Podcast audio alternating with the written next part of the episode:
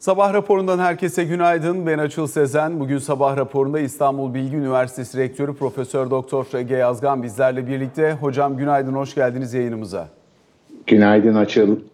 Şimdi önemli gelişmeler var. Bir içeride özellikle ekonomi yönetiminin attığı adımlar, aldığı kararlar, yöntemler bunların yurt dışı yabancı yatırımcılar tarafından olumlu görüldüğüne dair haber akışı devam ediyor. Son olarak dün Moody's'den gelen bir not var. Dolayısıyla biraz bunun detaylarını konuşabiliriz bankacılık sektörüne ilişkin. Dün yine bütçe dengesi rakamları geldi. Özellikle KDV artışlarının etkisinin bütçenin nakit dengesinde de bütçenin kendisinde de önemli ölçüde etki yarattığını ve bütçe fazlasına doğru dönüldüğünü gözlemliyoruz. Bunun detaylarına bakacağız. Diğer taraftan enflasyon yükselişine devam ediyor. Dün gelen tarım üfe rakamlarına baktığımız zaman e, burada önümüzdeki döneme dair sinyaller bulabiliyoruz. Gıda üzerinden gelen baskıyı bir müddet daha hissedeceğimiz anlaşılıyor.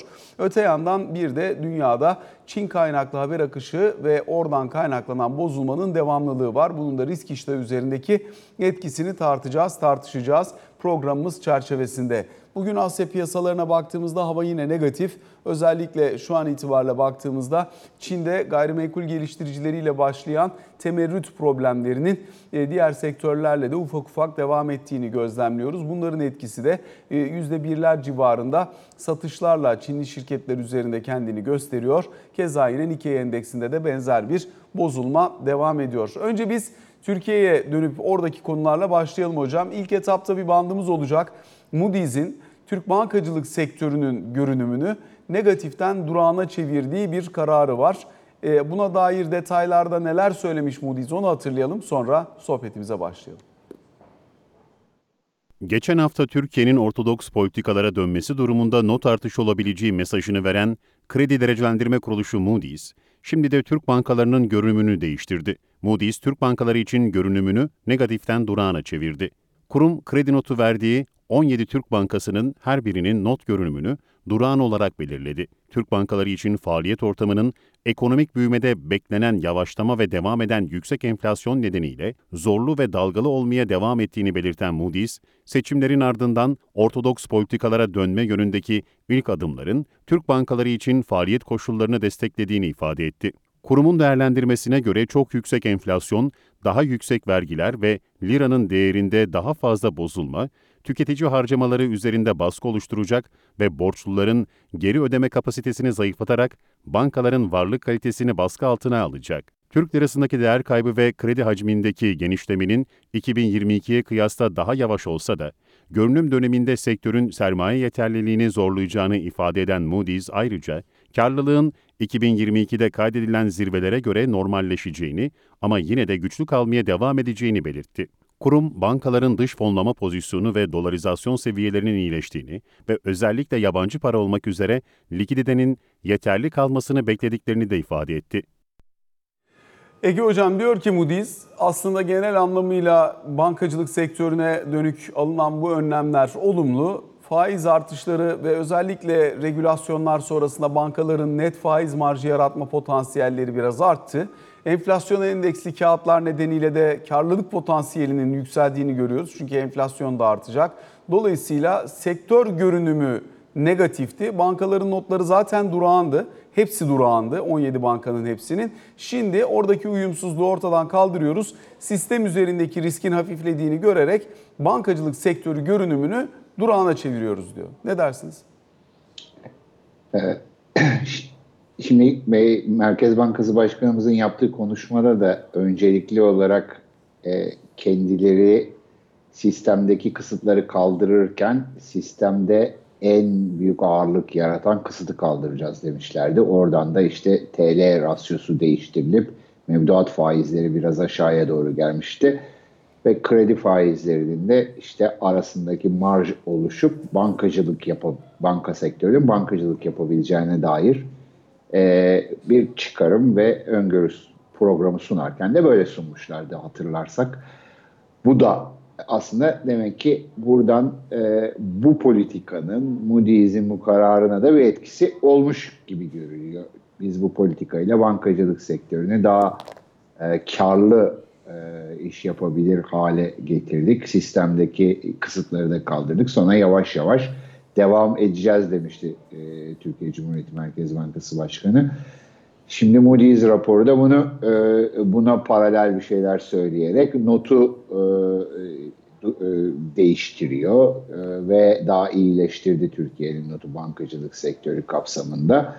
E, bu anlamda baktığımızda tabii olumlu bir gelişme. Yapılmış olan politikanın da bu anlamda çünkü dış sermaye girişi son derece önemli yeni program açısından istenilen bir sonucu vermiş diye değerlendirebiliriz sanırım. Baktığımız zaman en son Haziran cari işlemler verilerine de orada da e, geçen yıla göre çok ciddi bir sermaye girişi söz konusu. Cari fazla oluşmuş ve bu sermaye girişiyle birlikte de e, bir rezerv birikimi e, söz konusu ciddi bir biçimde. Bütün bunları bir araya doğru e, topladığımız zaman Moody's'in bu kararı ve şu Haziran ayında da gördüğümüz bu sermaye hareketleriyle beraber Türkiye'nin e, yurt dışı sermaye çekme konusunda iyi bir e, kıpırdanma gösterdiğini, bunun da bu şekilde devam edilirse başka politikalarda da para politikalarıyla desteklenirse bunun devam edeceği gibi bir resim çıkıyor önümüze. Yıl sonuna kadar bu buna benzer gelişmeleri ve sermaye girişi açısından da e, daha olumlu rakamları görmeye devam edebiliriz sanırım Açıl. Hocam önümüzdeki hafta Perşembe günü ayın 24'ünde para politikası kurulu evet. toplantısı var. Sonuç evet. itibariyle aradan geçen bir önceki toplantıyla bu toplantı arasında geçen süre zarfında hem regülasyonlar tarafında farklılaşma oldu hem aynı zamanda etki analizi yaparak buradaki e, makro ve mikro ihtiyati önlemlerin tersine çevrilmesi yönünde bir iradesi olacağını söylemişti Merkez Bankası. Dolayısıyla buralarda önlemler gelmeye devam etti. Hem kredilerde, ithalatı besleyen kredilerde bir miktar güçleştirici önlemler alındığını görüyoruz. Borçlanmayı ve borçlanmanın maliyetini e, hane halkı için bir miktar yükselten çeşitli önlemlerde görüyoruz ithalatı dizginleyebilmek adına. Aynı zamanda da ticari kredilerde işlevsiz hale gelmiş olan piyasanın da işlevsel hale dönüştüğünü, mevduat faizlerinin gerilediğini, kredi faizlerinin biraz yükseldiğini dolayısıyla bankaların faiz marjını bularak kredi vermeye başladıklarını görüyoruz. Şimdi bu toplantıda ne beklersiniz diye sormak istiyorum. Sadece faizin düzeyi üzerinden değil, hem kullanılacak olan dil hem yaklaşım açısından PPK üyeleri de değiştiği için artık bir daha farklı dil, daha farklı yaklaşım ya da daha uzun vadeli bir yönlendirme beklenebilir mi ne dersiniz?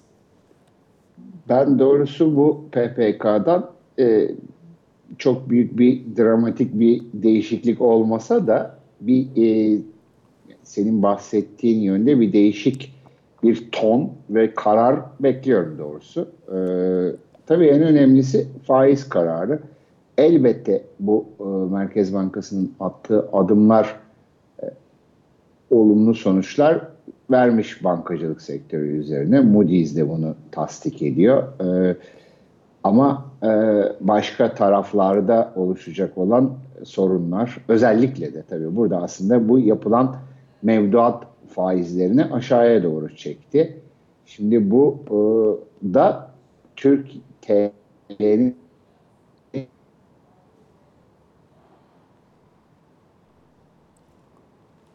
de dezenflasyon programı yürütmek kolay değil. Çünkü e, şu an talebi bu şekilde kesmek kolay olmuyor. TL bu kadar cazip görünmezken e, burada da tabii mevduat faizlerinin önemli bir etkisi var. Şimdi ben bu toplantıda buna yönelik belki faiz oranı ile ilgili olarak ee, bir e, sürpriz olabilecek ufak da olsa belki bir değişiklik artış çünkü artışları iki buçuk bas puana indirdi. Ee, bundan sonra beklenen hep iki buçuk iki buçuk gibi gelecek. Belki burada bir ufak bir değişiklik ama en önemlisi de daha tonlamada e, önemli bir değişik ya da yazılan yatı, e, açıklamanın içeriği açısından önemli bir değişiklik olabileceği kanaatindeyim. Yani bu serinin devam etmesi açısından. Dediğim gibi evet yani ilk alınan bu etki analizleri e, ve bu kısıtları kaldırarak devam etmek e, bu konuda da bir projeksiyon, bir, bir devamı nasıl gelecek ona dair de bir şeyler söylenecektir. Ancak e, dediğim gibi esas beni ilgilendiren konu. Buradaki bu dezenflasyon programının bu e, halen var olan özellikle de bu düşük mevduat faizleriyle nasıl başarıya ulaşabileceği konusunda e, bir bir yol haritasına benzer bir şey e, sunmaları gerekiyor. Çünkü bu koşullar şu manzarada gördüğüm zaman ya or, yavaş yavaş öbür tarafta kısıtlar kaldırılıyor. Evet dediğiniz gibi bankacılık işte kar marjları yükseltiliyor vesaire ama gerçekten enflasyon tarafında nasıl böyle bir durumdayken nasıl bir gelişme olacak?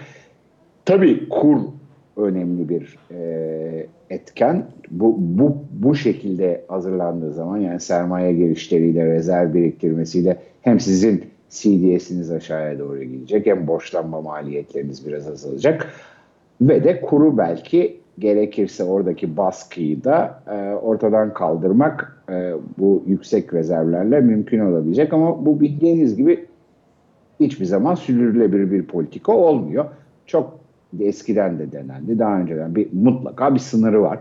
Dolayısıyla burada nasıl bir yol haritası izlenecek bununla ilgili olarak? Belki bu zamana yayılacak demenin de anlamı bu. Biz kuru, kuru baskılamayı böyle bu şekilde yapacağız bir süre daha. Kur üzerinden enflasyonu kontrol etmeye çalışacağız ve faizle daha yavaş yavaş kademeli olarak gideceğiz. Belki bu daha net olarak belki söylenebilir ama e, dediğim gibi bu, bunu yaptığınız zaman da enflasyonu e, kontrol etmeniz kolay olmuyor. Çünkü şu anda bütün enflasyonu yöneten şey belki de e, fiyat beklentileri e, olmuş durumda. Yani beklentilerin önemi çok fazla artmış durumda ve e, böyle bir çıpa e, döviz kuru belki bir çıpa olarak kendini gösteriyor. Belki oradan kontrol edebiliriz diye düşünüyorlar ama e, şu anki enflasyon verilerine de baktığınızda bu kolay gözükmüyor. Ben burası benim için en önemli soru işareti açık. Teşekkürler.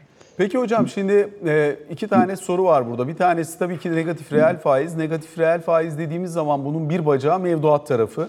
Mevduattaki evet. gerileme aslında geçen toplantıda soruldu Sayın Merkez Bankası Başkanı'na. E, onların istediği bir şey. Çünkü seçim öncesinde 40'ların üzerine atmış olan mevduat faizi 30'ların altına geldi. Fakat bu kadar aşağı geldiğinde de özellikle TL tasarruf sahibinin Türk lirası enstrümanda kalma isteği ve arzusunu güçleştirici bir rol oynuyor olabilir.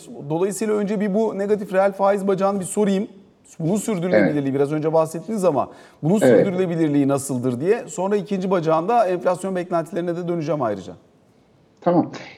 Ya evet çok sürdürülebilir gibi görünmüyor. Çünkü e, sadece yine kur e, üzerinden bir dezenflasyon politikasını sürdürmek ya evet şu anda faizler, politika faizi belli bir ölçüde yukarıya doğru çıktı ama bu negatif reel faizi ortadan kaldıracak istenilen bir düzeyde değil. O zaman biz bu politikaya geçmeden önce bir buçuk iki yıldır yaklaşık uyguladığımız yani 2021'in e, Eylül ayından, Ekim ayından itibaren yaptığımız faiz düşük, düşürmeleriyle beraber uyguladığımız politikada 3 aşağı 5 yukarı böyleydi kaba hatlarıyla faizi düşük tutalım e, ve e, buna karşın enflasyonu da kur üzerinden koruyalım. E, onu da işte piyasaya kur, e, döviz satışı yaparak yapalım. Tabii şimdi mantalite böyle baktığınız zaman şu ankinden çok farklılaşmış gibi gözükmüyor. Tabii şöyle bir fark var. Bir para girişi oluyor. Eskiden para girişi olmuyordu. Yani bu kur üzerinden bu dezenflasyonu uygulamak konusunda el, el, çok daha güçlü. İkincisi tabii faizlerde yine yukarı doğru bir tırmanma var. Yine de bir normalleşme adımına doğru bir gidiş var. Sadece bunun yeterli olmadığına dair bir e, kanaat var ki ben de öyle düşünüyorum. Çünkü en zayıf ayak burada mevduat faizi. Şimdi biraz önce senin de bahsetmiş olduğun gibi bu mevduat faizleri kimseyi TL'de kalmaya ikna etmiyor. TL'de kalmaya ikna olmadığınız zaman da o zaman enflasyon beklentilerinizi de değiştirmeniz mümkün olmuyor. Enflasyon beklentileri böyle yer aldığı için ya fiyatlama yapıyorsanız fiyatları eğer talep varsa ki bu ortamda o da oluyor bu nedenden dolayı birbirini besleyen bir süreç olarak o zaman fiyatları yükseltiyorsunuz fiyat yapıcıysanız veya Diğer taraftan eğer alıcıysanız, satın alıcıysanız bulabildiğiniz malları şu veya bu biçimde ileride ihtiyacınız olacağını gi- üretimde yapsanız girdi olarak veya tüketici olarak dahi uzun vadede tüketebileceğiniz dayanıklı tüketim mallarını hemen almaya yöneliyorsunuz. Bu davranış biçimi tabii talebi kesmediği için de enflasyonu ortadan kaldırmıyor ve böyle kendi içinde bir e, döngü yaratıyor. Bundan çıkmak çok zor. Kur tarafını tutarak bunu tutamadığımızı, kur tarafını sadece e, tutmakla bunu kontrol edemediğimizi geçmiş işte alt seçim öncesi e, deneyimlerimizden gördük. Ama denilebilir ki tabii o seçim öncesi atmosfer daha değişikti. Şu anda bu bu kadar olmayabilir. E, doğru. Bazı biraz önce de açıkladığım gibi bazı noktalar seçim öncesinden daha iyi böyle bir politika için hem de faiz tarafı da yukarıya doğru giderken ancak benim gördüğüm fiyatlama davranışlarındaki bozulma giderek artıyor. Giderek kendisini e, giderek daha da e, e, volatility'yi arttıracak bir biçime doğru sürüklüyor. Bu mesela seçim öncesine göre baktığınız zaman belki de ondan daha kötü bir durum. Şimdi en önemli nokta bana kalırsa burada dezenflasyon programı üzerinde bu. Ben e, tabii ki yeni PPK üyeleriyle Merkez Bankası yönetiminin bunun çok net farkında olduğunu tahmin edebiliyorum. Yani olmamaları zaten söz konusu olamaz. Yazdıkları raporlarda da buna benzer hizmet enflasyonu vurgusu, fiyatlama davranışları vurgusu, özellikle hizmet enflasyonu üzerinden e, bu eski raporlarda da gündeme geliyor. Dolayısıyla bunun çok iyi farkındalar. Buna nasıl yaklaşacaklarına dair belki bir iki cümle, bir açıklama, yani bu tarafla ilgili nasıl bir değerlendirme yapıyorlar? Bekliyorum. E, faiz tarafında da belki bir e, hani bu oluşan algıyı artık bundan sonra yavaş yavaş devam edecek iki buçuk puan iki buçuk puan şeklindeki algıyı kıracak bir karar da olabilir e, diye düşünüyorum. Çünkü e, yeni bir Merkez Bankası yönetimi ilk toplantısı ve bu toplantıda e, bir şekilde piyasaya vereceğim mesajı ilk seferden güçlü tutmak isteyecektir kanaatindeyim açıkçası. Peki işin bir bacağı negatif reel faiz ya da faizin düzeyi dedik. Diğer bacağı ise enflasyon evet. beklentileri tarafı. Ee, dün itibariyle gelen tarım ürfe rakamları bize diyor ki Temmuz ayında yine e, üretici tarafında ciddi bir artış söz konusu oldu. Buna dair bir bandımız evet. da var hocam. Onu da bir izleyelim. Sonra tamam. üzerine konuşalım.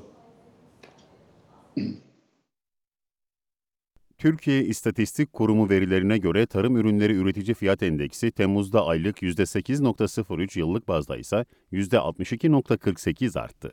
Tarım ürünleri üretici fiyat endeksinde bir önceki yılın Aralık ayına göre %35.14 ve 12 aylık ortalamalara göre %102.10 yükseliş gerçekleşti. Aylık artışın yüksek olduğu alt gruplar sırasıyla %12.62 ile yumuşak çekirdekli meyveler ve sert çekirdekli meyveler ve %12.51 ile sebze ve kavun, karpuz, kök ve yumrular oldu. Bir önceki aya göre azalış gösteren tek alt grupsa %0.45 ile çeltik oldu. Yıllık artışın düşük olduğu alt gruplarsa sırasıyla %11.33 ile lifli bitkiler ve %17.99 ile tahıllar, baklagiller ve yağlı tohumlar oldu. Buna karşılık yıllık artışın en yüksek olduğu alt gruplarsa %108.92 ile sebze ve kavun karpuz, kök ve yumrular ve %90.79 ile canlı kümes hayvanları ve yumurtalar oldu.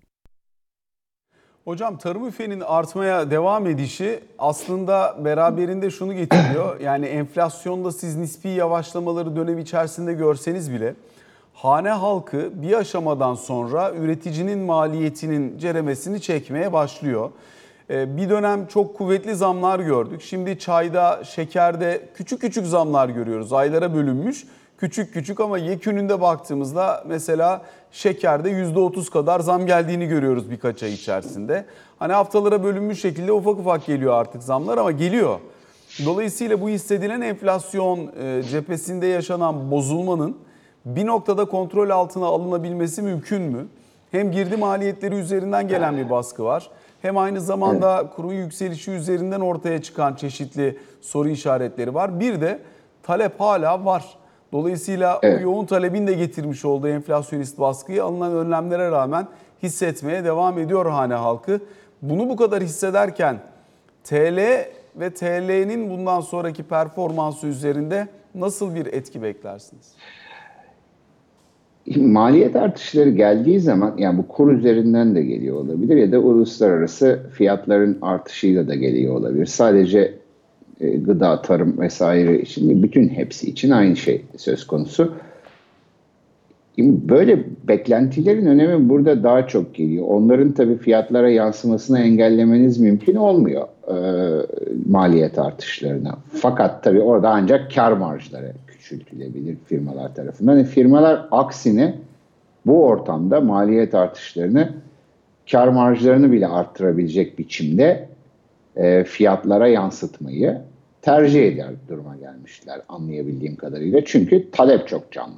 Yani bu biraz önce anlatmaya çalıştığımız ortamda mevduat faizleri bu kadarken, TL'ye cazibe bu kadar düşükken ve harcama isteği bu kadar yüksekken bu yüksek enflasyon ve hiç kimse enflasyonun düşeceğine inanmazken bu arada bir parantez içinde şunu söylemek lazım. Enflasyon beklentileri gerçekten Merkez Bankası'nın açıkladığı tahminle beraber, yeni tahminle beraber ki gerçekçi bir tahmin herkes tarafından ama onunla beraber tekrar yükseldi. Demek ki şöyle bir e, algı oluşmaya başladı. Yani evet enflasyon bu Merkez Bankası yönetimi de enflasyonu çok uzun vadede düşürmeyi hedefliyor.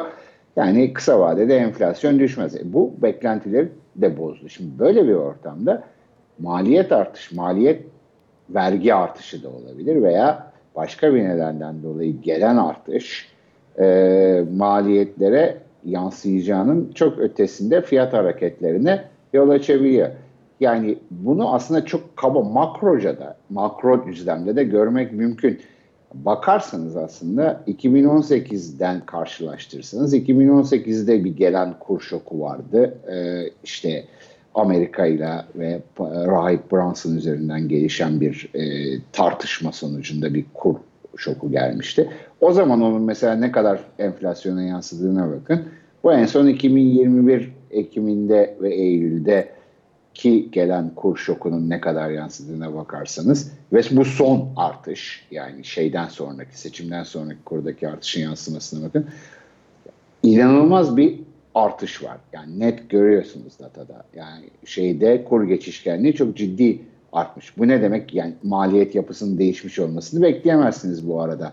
Kur geçişkenliği bu kadar artması. Demek ki e, beklentiler ciddi bozulmuş. Yani çıpanın olmadığı bir yerde kuru kurdaki artışı olabildiğini fiyatlara yansıtmaya yansıtmanın ötesinde daha da fazla fiyatlara e, gö- gönder e, üzerine yüklemeye kalkışmış. Bunu görüyoruz. 3 aşağı 5 yukarı.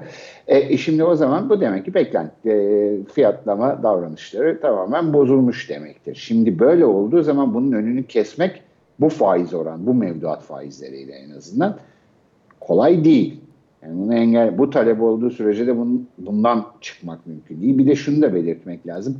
Bu fiyatlama davranışları içerisinde son derece farklı davranış biçimleri oluşabiliyor. Yani ne demek? Kimisi e, bir oranda yansıtırken kim o fiyatlamaya diğeri çok daha farklı oranlarda yansıtabiliyor. Gücün e, piyasadaki talep algısıyla beraber olarak kendine özel koşullarla beraber. O zaman da piyasada çok farklı aynı malların, benzer malların çok farklı fiyatlarını görüyorsunuz. Yani fiyat dağılımı, e, fiyattaki dağılımın genişliği artmış durumda. Bunu çok rahat e, hangi yani kişisel deneyimlerinizden bile gözlemleyebiliyorsunuz.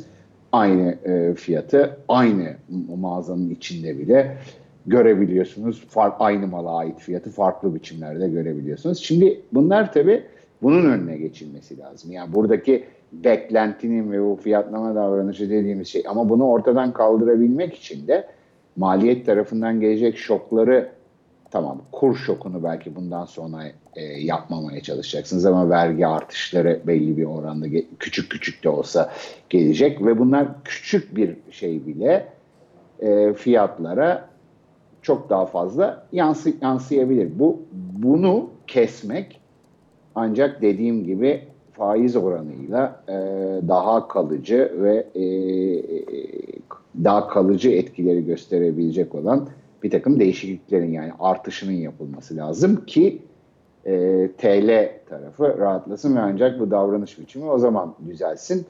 E, bunu da işte benim dediğim gibi bu ilk toplantıda böyle e, notlar en azından geleceğini düşünüyorum. Hocam iki dakikalık bir aramız var. Tamam. Ona gidelim. Sonrasında biraz daha bütçe dengesi üzerinden devam edeceğiz.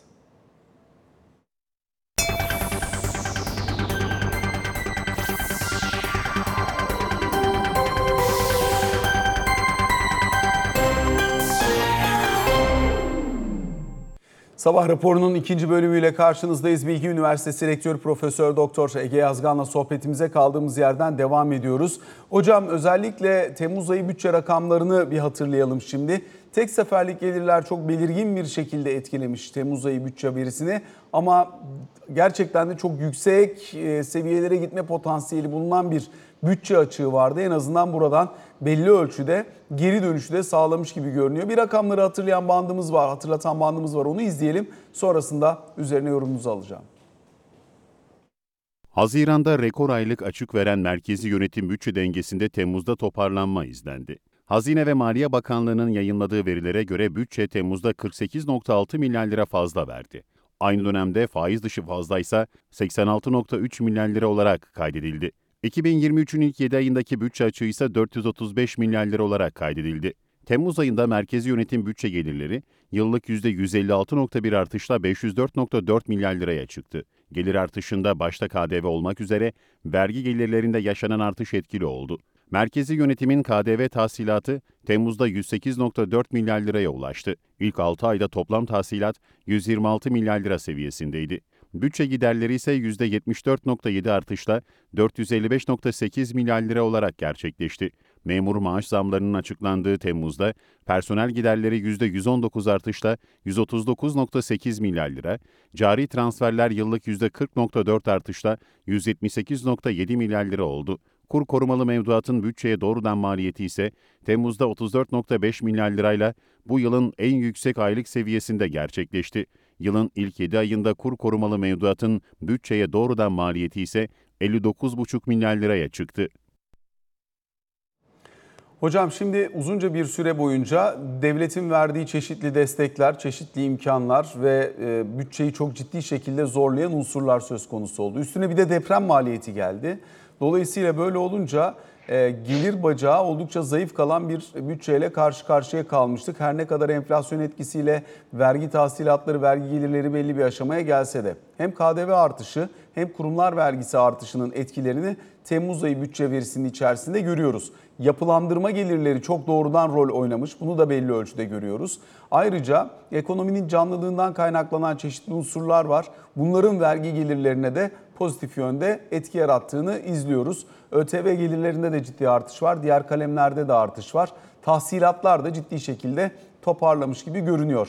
Hala bütçenin temel fonksiyonu açık vermeye devam edecek bir e, izlenim veriyor bundan sonrası için. Ama hem alınan önlemleri hem gelen bu vergilerin potansiyel etkilerini nasıl yorumluyorsunuz? Şimdi bu da tabii çok önemli. Yani biraz önce yeni Merkez Bankası yönetimi ve yeni para politikası diyelim. Tabii bu taraf çok eleştiriliyor daha henüz bir yol haritası olmadığı net vesaire falan ama bazı unsurlar e, belli. Özellikle biraz önce konuşma, konuştuğumuz faiz tarafında bir belirsizlik ve o taraf bir soru işareti olarak görünüyor bazıları açısından. Ama burada temel iki şey var bu programın içerisinde. Bir tanesi evet bu sermaye girişi ve kuru tabii belli bir dengede tutabilmek ki bu maliyet şoklarını kesmek. İkincisi de bütçe tarafı tabii. En önemli şeylerden birisi. Tabii bu Merkez Bankası'nın işi değil Mazine e, Bakanlık tarafında ama e, yani o onlar bundan bahsetmiyorlar tabii doğal olarak para politikası şeyi içerisinde ama biliyoruz ki ve burada da yapılan ilk şey de bu vergi artışları da bütçeyi de kontrol etmek hem aynı e, zamanda enflasyonu kontrolün ana politikalarından biri tıpkı döv, e, sermaye girişiyle dövizi kontrol etmek gibi. E, onun da izle, e, izlerini burada görüyoruz. Tabii deprem felaketi nedeniyle bir bu yılın bütçesinde bu bozuklukların olması doğal bunları doğal karşılıyorduk ama bütçenin e, gidişatı açısından gelir tarafında yapılan bu önlemlerin de meyve vereceği ve bunları görüyoruz. Ama en önemli şey biraz önce senin bahsettiğin konu tabii böyle giderken ekonomi daha henüz canlı hala biraz önce bahsettiğimiz gibi o fiyatlama davranışlarını da yaratan bu canlılık aslında. Ee, bu canlılık da tabii vergi gelirlerine de belli bir ölçüde yansıyor. Ama bunun böyle devam edemeyeceği 3 aşağı 5 yukarı herkes tarafından biliniyor. Yani hem bu canlılığı bu şekilde koruyalım hem de bu enflasyonu kontrol altına alalım demek çok zor. Ee, talep tarafı da belli bir ölçüde kısılmaya çalışıyor. Evet fa- mevduat faizlerinde bunu görmüyoruz ama kredi faizleri de ara, e, hala beklenen enflasyona göre düşük. Ancak kredilerde miktar olarak sınırlandırılmış durumda ciddi bir biçimde. Onun da tabii bir talep üzerinde mutlaka bu etkisi olacak. Bunu o, olması gerekiyor. O zaman da vergi gelirlerinde de burada bir azalma söz konusu olabilir.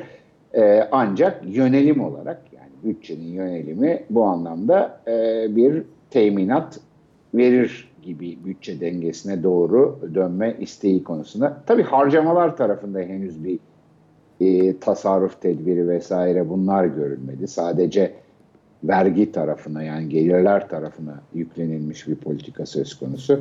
Harcamalar tarafında da böyle kapsamlı bir tasarruf tedbiri açıklanırsa eğer bu daha kendini komple bir politika haline dönüştürmüş olacak. Yani maliye politikası tarafında bu bir hala beklenilen bir e, ve istenilen bir unsur. Para politikası tarafına da baktığımız zaman işte faizler konusu hala TL'yi daha cazip hale getirme vesaire beklenilen bir unsur.